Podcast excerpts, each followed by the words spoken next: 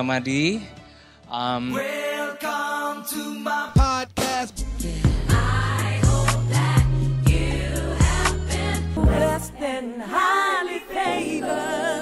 Hello, welcome to podcast series So You Think You Can Preach bersama gue Denny Gamadi dan hari ini kita ada seorang tamu yang spesial yaitu JJ Simko Putra. Yeay! Hey, what's, up, man? what's up, Dani? so good, so good to see you, Yeah. to know you. Oh yes, exactly. Gue juga sangat seneng bisa ketemu, bisa kenal lu dan hari ini kita bisa ngobrol bareng, bro. That's right, that's right. Ya, ya, ya. Excited. Thank you. It's an honor buat gue bisa ada di sini bersama dengan kalian. Sekali lagi, I'm just a new kid on the block, man. Serious, always very humble. And and ya, yeah, it's an honor buat gue. Is suatu kehormatan. So thank you so much, Dani, untuk bisa ngelakuin podcast ini, bro. Man, it's my pleasure, man. Kalau Ya, teman-teman ya, ya. tahu community discipleship views, nah Pastor JJ is one of the founders, so you gotta know him, yes. Ini gerakan Praise yang God. sangat besar, sangat masif, pemuritan, sharing firman di rumah-rumah, di kantor dan segala macam. Dialah salah satu foundersnya. Beliau juga managing director dari Simland. Betul kan? Gue cara nyebutnya, bro. yes, yes, yes. You have done your research, ya? Oke. dan juga seorang preacher salah seorang yang sangat difavoritkan karena stylenya yang sangat engaging di GBI CK7 wow wow wow oke so this is gonna be Thank fun Yap, yap. Excited. Excited banget. oke man so gue mulai dari sini boleh nggak hmm. waktu um, we've been growing up listening to sermons kan ya Yap. Nah, boleh nggak lu mention hal-hal yang kita pas denger khotbah itu sebagai anak muda itu annoys us. Nah, Hmm, for me, buat saya secara pribadi sih yang annoys me the most itu kalau preacher kerjaannya marah-marah terus sih bro ya. hmm, Di panggung tuh marah-marah tuh bener-bener dan a bit sarcastic kali ya. Yang yang yang saya ngerasain tuh kayak bener-bener kayak kerjaannya cuma nyindir, nyindir, marah, abis itu eh, lebih menjelaskan tentang kayak hukuman-hukuman itu apa. Jadi lebih ditakut-takutin bro. Buat gue tuh kayak stres banget, frustrasi banget kalau kerjaannya cuma dengernya kayak wah besok kalau kayak lu ngelakuin ini, besok lu mati lah lu, lu go to neraka lah. Wah ini semuanya kayak we know all those things, cuman ya nggak perlu dielaborate sampai to, to the extreme ya, sampai orang akhirnya setelah mendengar khotbah itu kayak merasa hopeless dan udah nggak punya harapan untuk ke depannya juga gitu. Jadi itu sih yang benar-benar annoys me the most ya.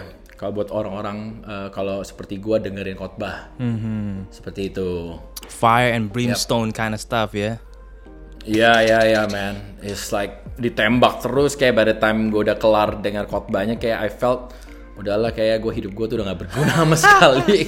Kayak gue jauh daripada kesempurnaan semua. Iya, iya, so far off from there. Ya Iya iya iya iya benar benar benar penuh dengan hukum Taurat dan segala macam hal yang sebetulnya membebani kita tapi nggak nggak gospel dong ya. Gospel is a good That's right. tidings, right? It's a good. That's right.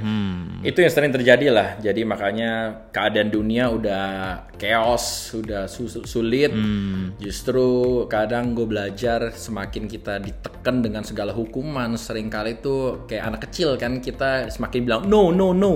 Akhirnya kita keep doing it. iya iya iya. Benar gitu. benar. Jadi I just yeah, that's just my feeling, bro. Alright. Ya ya. Alright.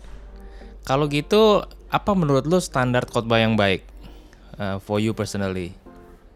Ada apa aja? Kalau for me, ya kalau buat gue sih ada beberapa poin yang I wanna share ke uh, you secara personally. Yang pertama, kalau di dalam sermon yang terpenting, baik lagi nomor satu adalah always and only Jesus. Itu doang. Iya. Pesannya udah nggak ada pesan lain lagi selain always only Jesus.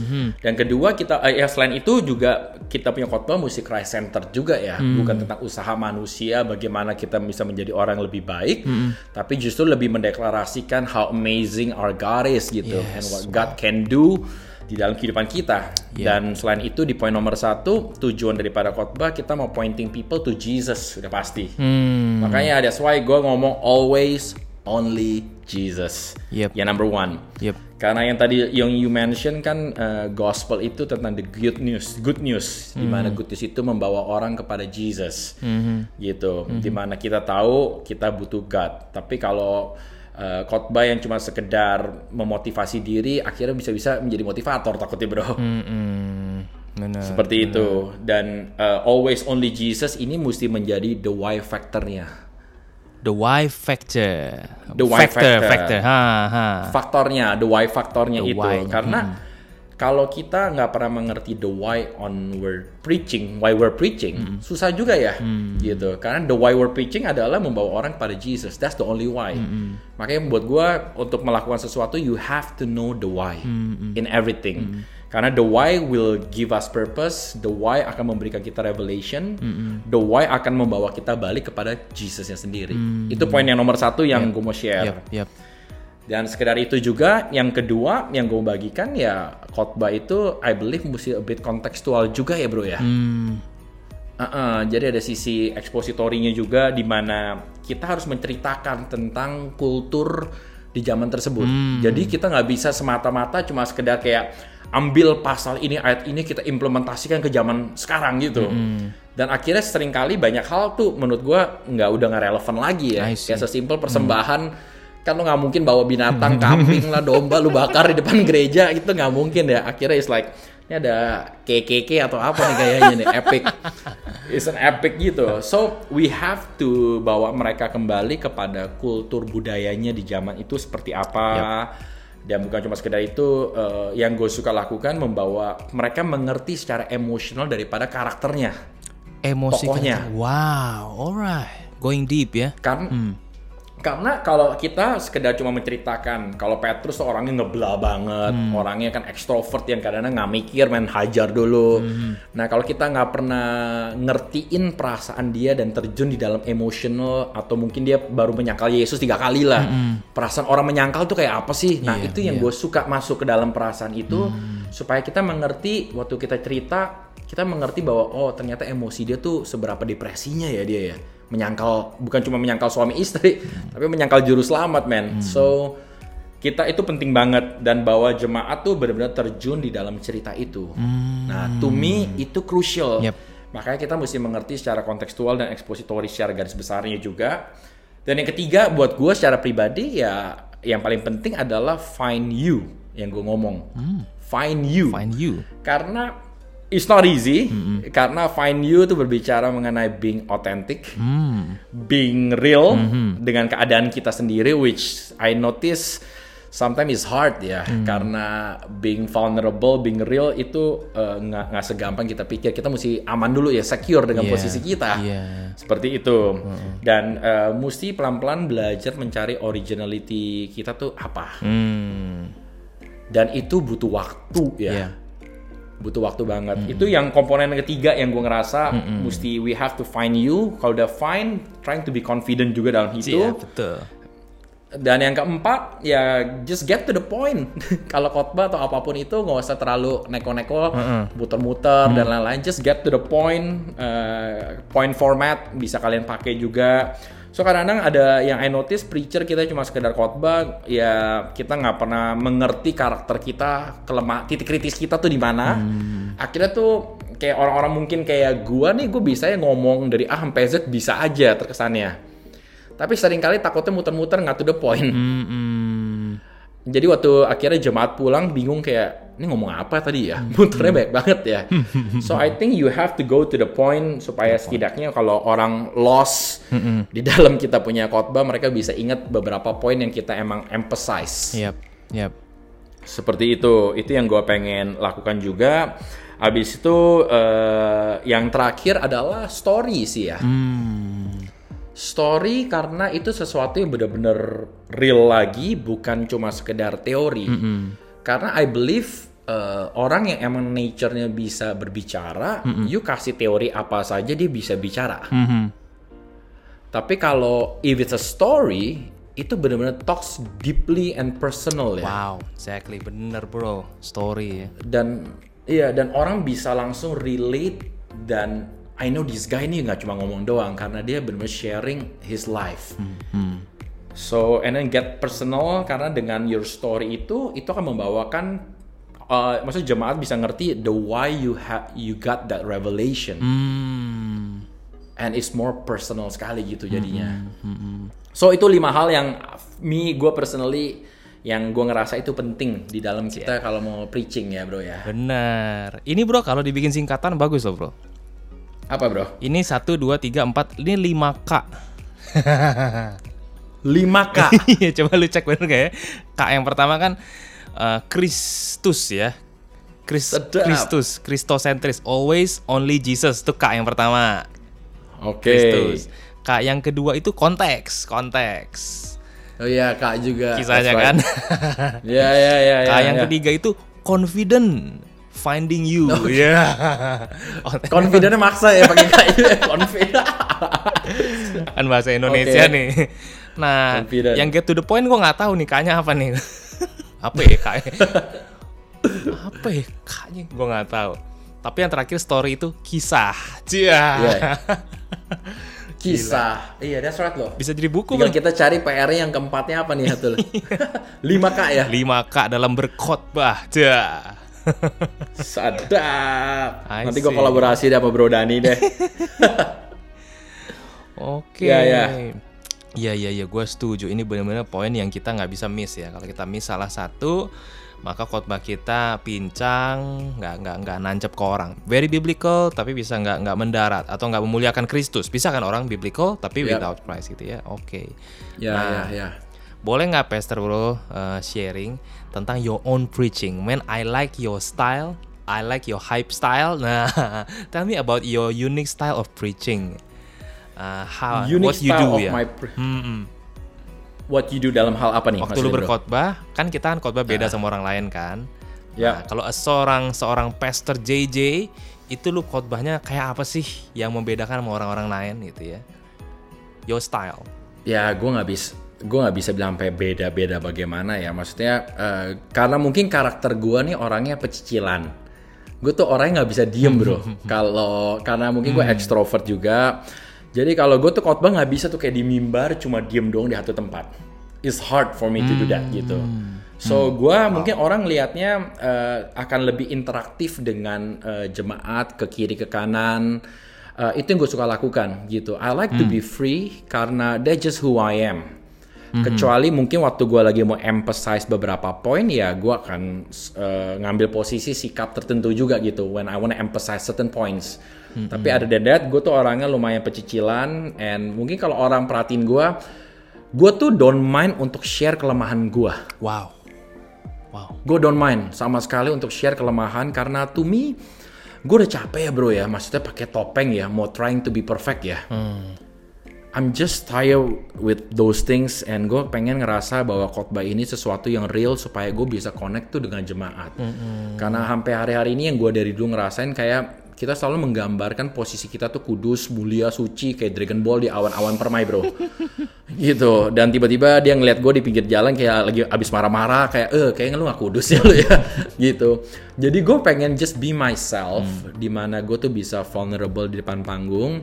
Dan mereka gue rasa hari-hari ini banyak orang lagi mencari namanya real ya dan gue ngerasa dengan gue menjadi real di depan mereka gue mau vulnerable. Karena gue cerita bahkan mengenai kelemahan keluarga gue gue lagi berantem kemarin itu gue sempat berantem. Atau bahkan sebelum pelayanan gue sempat ada clash dikit lah gitu-gitu sama istri.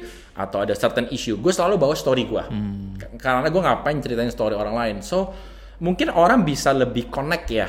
Bahwa dia ngerasa ternyata ini nggak di awan-awan permai ternyata lu masih human ya.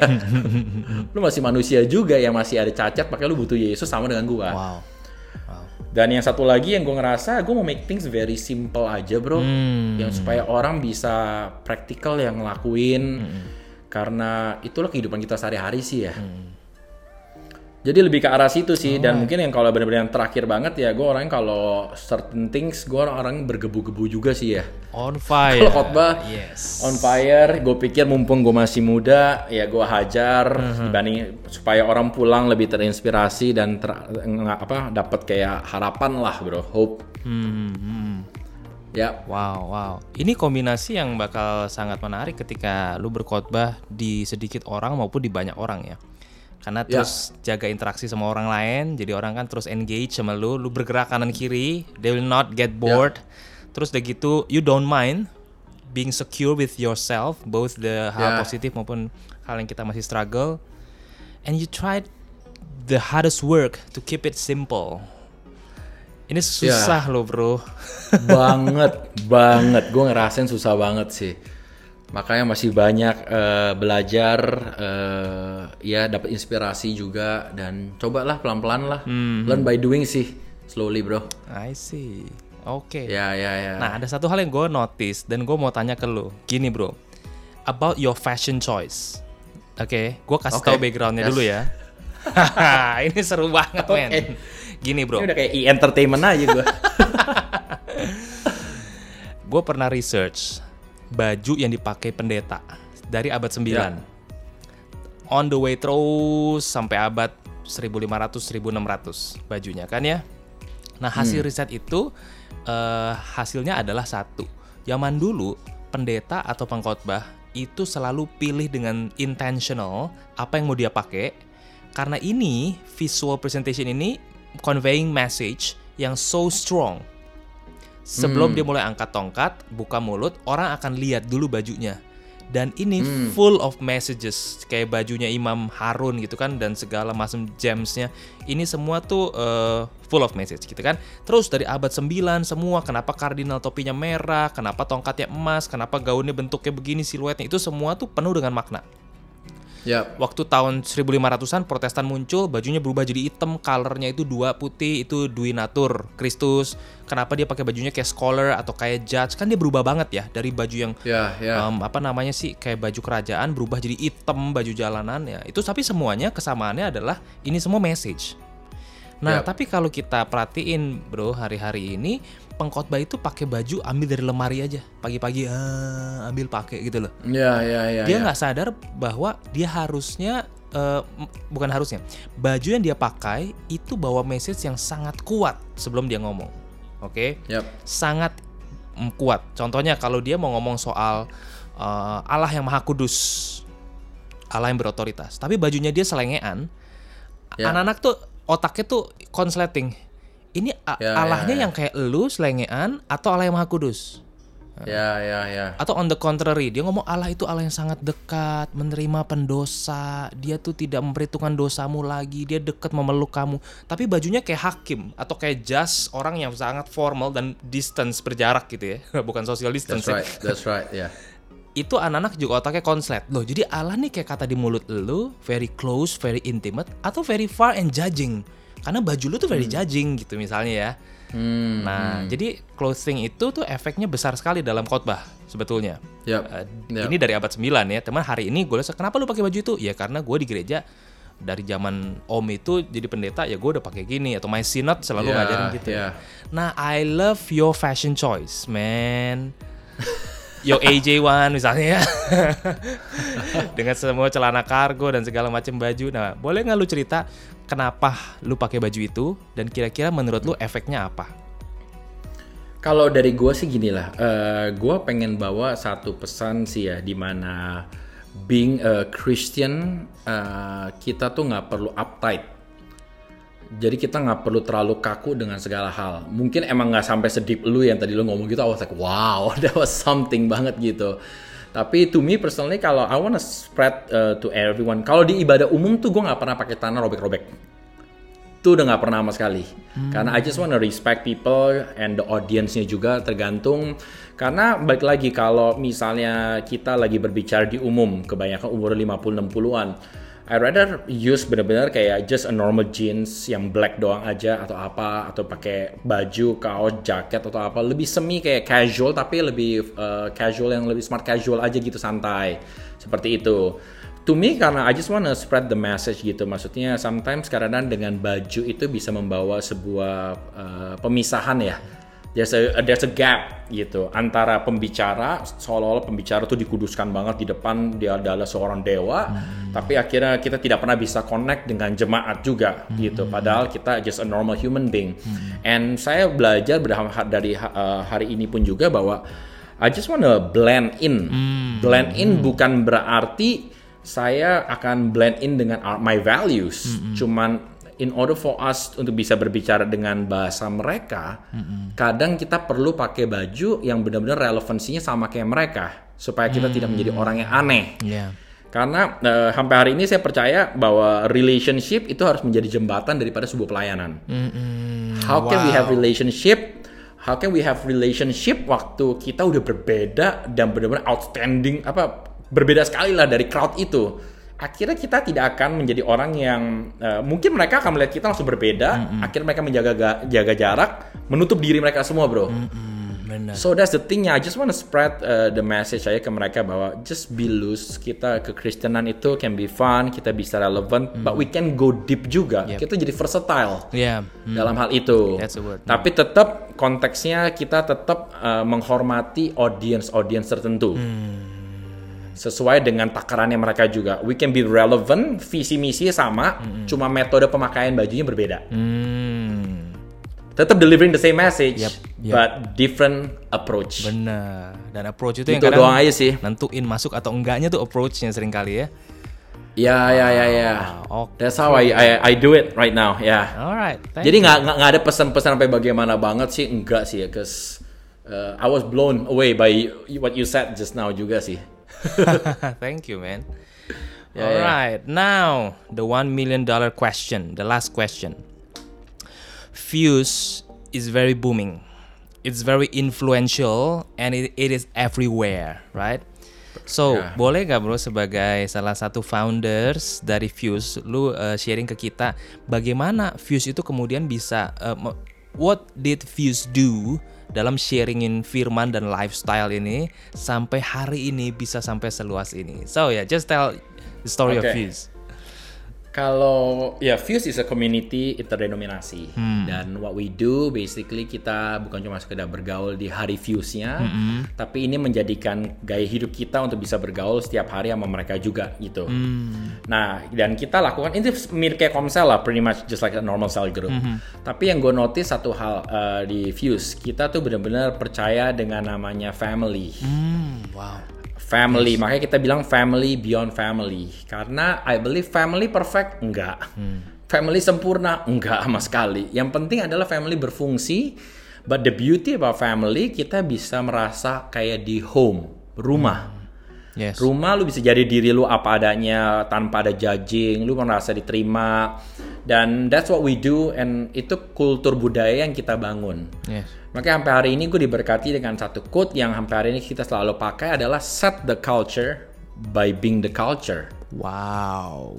Wow. So wow, if kalau kita merindukan untuk bisa menjadi uh, merindukan sebuah kultur budaya, jangan berharap orang lain mulai terlebih dahulu, Ya. tapi mulai dari diri kalian. Kalau kalian mau mau mempunyai komunitas yang positif, be positif dulu, jangan harapin orang lain positif Wow. gitu. So itu yang kita bagikan, kita mau real, kita nggak pernah judging orang, kita terima. Karena tadi eh, yang tadi saya katakan juga prinsip value yang kita percaya adalah bangun hubungan sebelum pelayanan. Hmm. Yeah. So relationships comes in. Dan gue belajar ini tuh dari orang-orang tuh yang eh, naik sepeda setiap hari minggu bro. Ya, aduh, mantap itu. Lu perhatiin deh, mereka tuh nggak pernah mandang, eh lagi naik sepeda, lu dari dari latar belakang apa ya, ras lu apa ya, lu kayak miskin ya.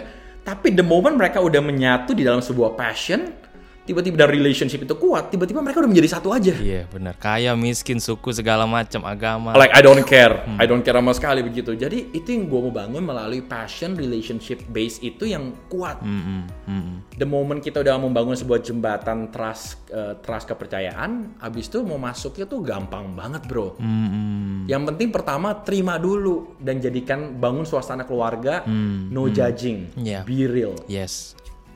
Itu yang kita lakukan bro. That yes, it's very simple sih. Sebetulnya cuma itu doang. Wow, I see that's why your preaching is very powerful. Karena you you're rooted in a community and you have all the values dan ketika lu bawa itu ke panggung yang lebih besar, bukan cuman apa yang dia omongin itu kebenaran itu mengubahkan mereka, cuman cara lu dan value itu semua keluar sehingga people merasa dekat dan people dapatin value itu ya. Wow. Ya, ya. Wow, wow, Praise wow, God. wow. Nah, teman-teman, so kita lihat apa yang dibalik khotbah dari Pastor JJ adalah komunitas-komunitas pemuritan yang kuat dengan nilai-nilai yang juga kuat. Yes, it is true. Kita harus ngajarin hal-hal yang benar, yang sangat mulia dan pembelajaran yang bertanggung jawab. Tapi jangan lupa juga bahwa itu semua harus berinkarnasi. Iya, berinkarnasi. Menjelma maksud gua. Jadi gaya hidup juga. Ya, you talk Ya. about love, talk about God. Buah roh itu muncul gak?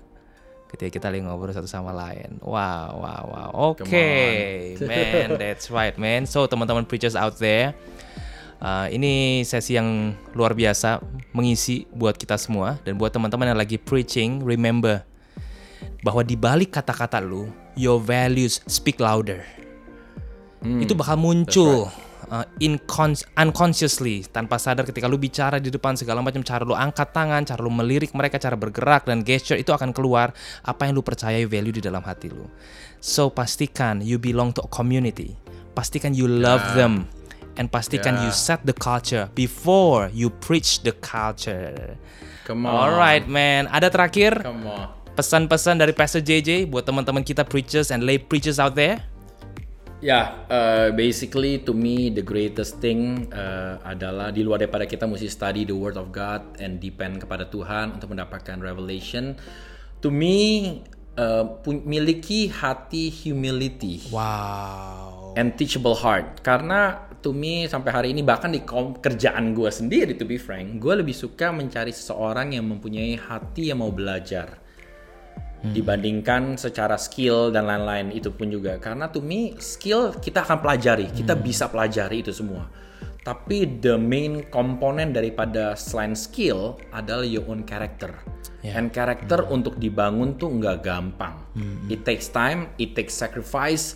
Ya karena ujung-ujung daripada karakter adalah pride ya bro ya. So gue pengen bagikan aja I'm still learning sampai hari ini. Never stop learning never stop untuk mendapatkan kritis. Kritik bukan kritis kritik daripada orang lain to have a teachable heart. And I believe dengan kita admit kita akan mau improve gue percaya kita dapat uh, belajar dari banyak orang. Gitu. Untuk bisa improve lebih lagi lah.